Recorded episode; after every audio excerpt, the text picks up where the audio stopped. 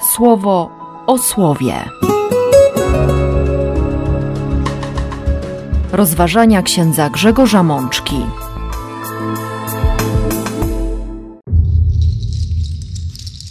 Czwarta niedziela Wielkiego Postu, rok. Z księgi Jozułego. Pan powiedział do Jozułego, syna Nuna: Dzisiaj zdjąłem z was zniewagę Egiptu. Z Psalmu 34. Szukałem Pana i wysłuchał mnie. Wyprowadził mnie na wolność z wszystkich obcych mi miejsc. Z drugiego listu świętego Pawła do Koryntian. To Bóg jest tym, który jedna świat z sobą w Chrystusie, nie licząc mu jego przestępstw. I On umieścił w nas słowo jednania. Z Ewangelii według świętego Łukasza. Synu, Ty zawsze jesteś ze mną i wszystko, co moje, jest Twoje. Trzeba było ucieszyć się i radować, że ten Twój brat był umarły, a wrócił do życia. Zginął, a odnalazł się. Siostry i bracia, przed nami już czwarta niedziela Wielkiego Postu, nazywana w liturgii niedzielą letare. To słowo zachęcające do radości pochodzi z 66 rozdziału proroctwa Izajasza, bo ten tekst jest wykorzystany jako antyfona rozpoczynająca dzisiejszą liturgię. Raduj się, Jerozolimo. Zbierzcie się wszyscy, którzy ją kochacie. Cieszcie się, wy, którzy byliście smutni. Weselcie się i nasycajcie u źródła waszej pociechy. Ta trzecia część proroctwa Izajasza, część nadziei, radości, zachęca do tego, żeby, żeby naprawdę podnieść głowę i żeby zobaczyć bliskość Boga, bo Pan przychodzi na Syjon, bo Bóg przychodzi, by zbawiać. Dlatego między innymi dziś w liturgii dominuje kolor różany. Ten pokutny fiolet jest, jest jakby złamany radością, nadzieją, tym nowym wschodem słońca, tym zapachem wiosny, nowego życia. Bo o nowe życie chodzi. O nowe życie chodzi w każdej Eucharystii. I o tym nowym życiu mówi nam dzisiejsze słowo. Rozpoczynamy tę liturgię od kilku wersetów z piątego rozdziału Księgi Jozułego. Na równinie przed Jerychem zatrzymuje się całe zgromadzenie Izraela. Po ponad czterdziestu latach wędrowania i tułaczki po pustkowiach wchodzi do ziemi obiecanej nowe pokolenie, urodzone na pustyni. I wtedy właśnie Jozue dokonuje znaku przymierza, to znaczy każe obrzezać wszystkich mężczyzn, którzy nie noszą na swoim ciele znaku przynależności do Boga. I właśnie wtedy, po tym geście przymierza, Bóg odzywa się do Jozuego: Dzisiaj zdjąłem z was zniewagę Egiptu.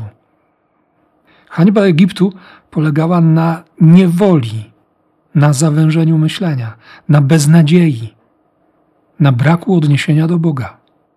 Bo Biblia wspomni też bardzo wyraźnie, że wielu z tych, którzy wyszli z Egiptu, pomimo że przecież mieli tradycję przez te 430 lat zachowywaną w jakiś tam sposób, większość z tych ludzi nie była obrzezana.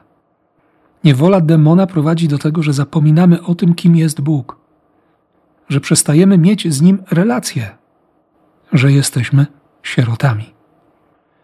Jeszcze przed zdobyciem Jerycha Bóg przypomina najdobitniej całemu narodowi wybranemu, że jest Bogiem, który wchodzi w relacje, który jest Bogiem bliskim, miłosiernym i wiernym.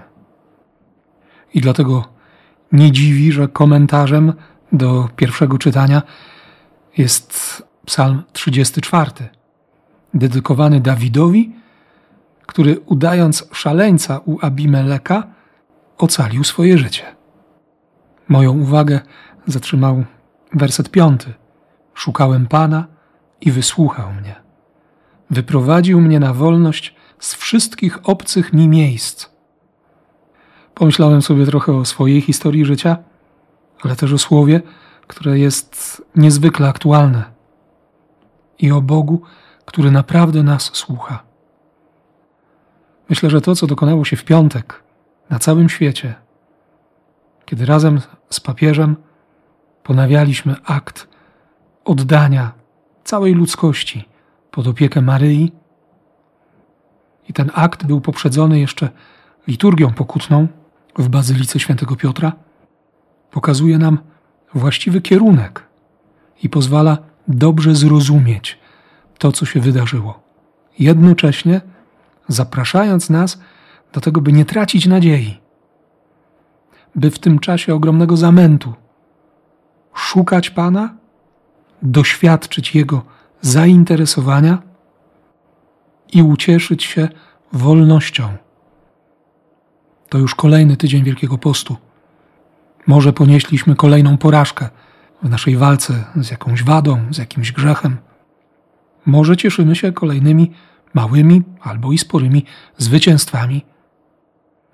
Te wszystkie momenty, te wszystkie chwile, te wszystkie doświadczenia, one prowadzą nas do paschy, do ominięcia śmierci, do przeskoczenia nad śmiercią, do prawdziwej wolności.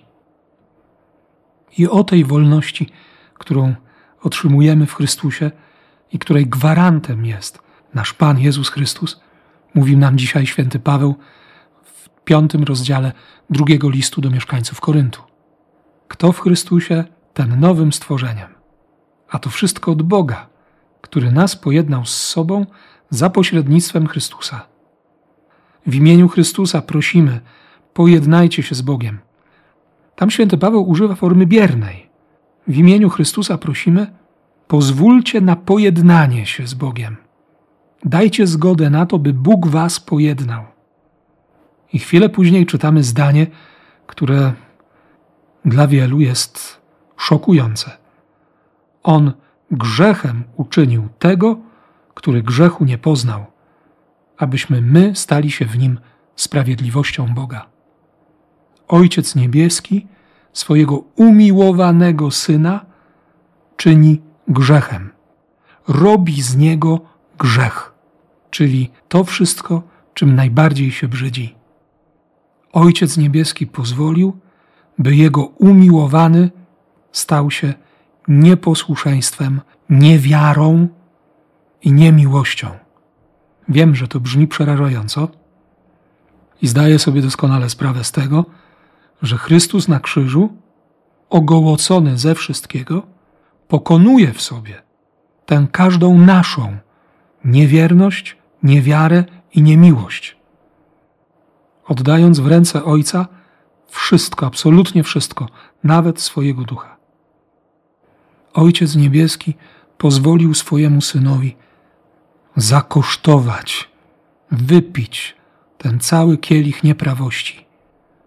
Właśnie po to, abyśmy dzisiaj, każdy z nas, czy ty, siostro i bracie, czy ja, mogli podejść do krat konfesjonału, wyznać swoje grzechy, czasami nawet nie usłyszeć żadnego słowa pouczenia, bo ono nie jest konieczne, ale za to usłyszeć i ja Tobie odpuszczam grzechy w imię Ojca i Syna i Ducha Świętego. Bóg nie liczy nam naszych przestępstw. On nie prowadzi księgi rachunkowej, nie spisuje zysków i strat, nie rozlicza nas, skrupulatnie notując, kto, co, ile razy. Owszem, On pozwala nam doświadczyć tego bólu i tego cierpienia, jakim jest grzech, ale jednocześnie oferuje miłosierdzie. I o tym chyba w najlepszy sposób mówi nam dzisiejsza Ewangelia. Trzecia z przypowieści o miłosierdziu Boga, zawartych w piętnastym rozdziale Ewangelii w redakcji świętego Łukasza. Miłosierdzie Ojca. Ojciec, który kocha, który kocha całą swoją miłością obydwu swoich synów.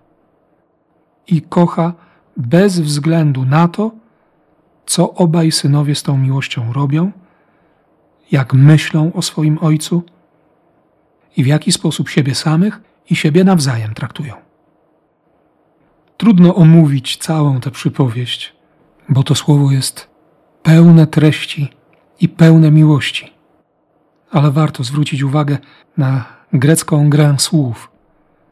Kiedy młodszy z synów przychodzi do ojca, prosząc o majątek, o rzeczy materialne, ewangelista zaznacza wyraźnie: Ojciec dał mu życie.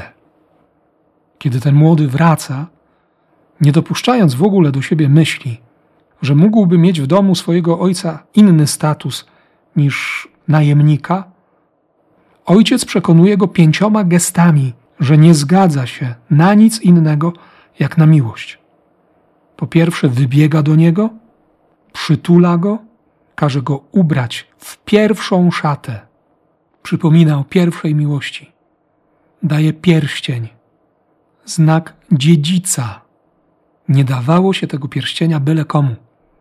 Trzeba było sobie na niego zasłużyć. I nakazuje nałożyć mu sandały. Ojciec przypomina synowi, jaka jest jego godność. Oczywiście zostaje urządzona uczta, i wtedy właśnie przychodzi starszy z braci. Ten, który też nic nie rozumie. Tyle lat ci służę. Nie umiem kochać, tylko służę. Traktuję cię jak pana, nie jak ojca. I potem oczywiście odniesienie do sytuacji młodszego brata. Bardzo brutalnie brzmi to w przekładzie pierwszego kościoła. A kiedy wrócił ten twój syn, który z dziwkami przeżarł twoje mienie, to zabiłeś dla niego tłustego byczka. Stwierdzenie faktów? Powiedzenie prawdy? Widać tutaj ogromną pogardę. Każde słowo jest nasycone tym, ja cię tak nigdy nie potraktowałem, a może powinienem tak zrobić. I wtedy odpowiedź ojca. Trzeba było ucieszyć się i radować. Taka jest konieczność. Ten twój brat był umarły, a został przywrócony do życia. Tutaj również święty Łukasz używa strony biernej. On nie wrócił. On nie wrócił do życia sam. To nie jego zasługa. On został przywrócony do życia. On został wskrzeszony. Zginął a został odnaleziony. Nie sam się odnalazł. Nawrócił, przypomniał sobie, że to wszystko powinno inaczej wyglądać. Został odnaleziony. Od razu przychodzi mi na myśl Psalm 23 w przepięknym przekładzie, gdzie werset szósty brzmi: Twoja łaska i wierność będą mnie ścigać. Na tym polega to odnalezienie łaska i wierność Boga ścigają nas bez wytchnienia. Szukają nas na wszystkich naszych drogach. Dlatego nie wolno nam gardzić ani naszymi siostrami i braćmi, ani sobą, bo każdy z nas ma szansę być odnalezionym przez Boga. I każdy z nas ma szansę na życie wieczne. I tego nam wszystkim z całego serca życzę. Amen. Słowo o słowie.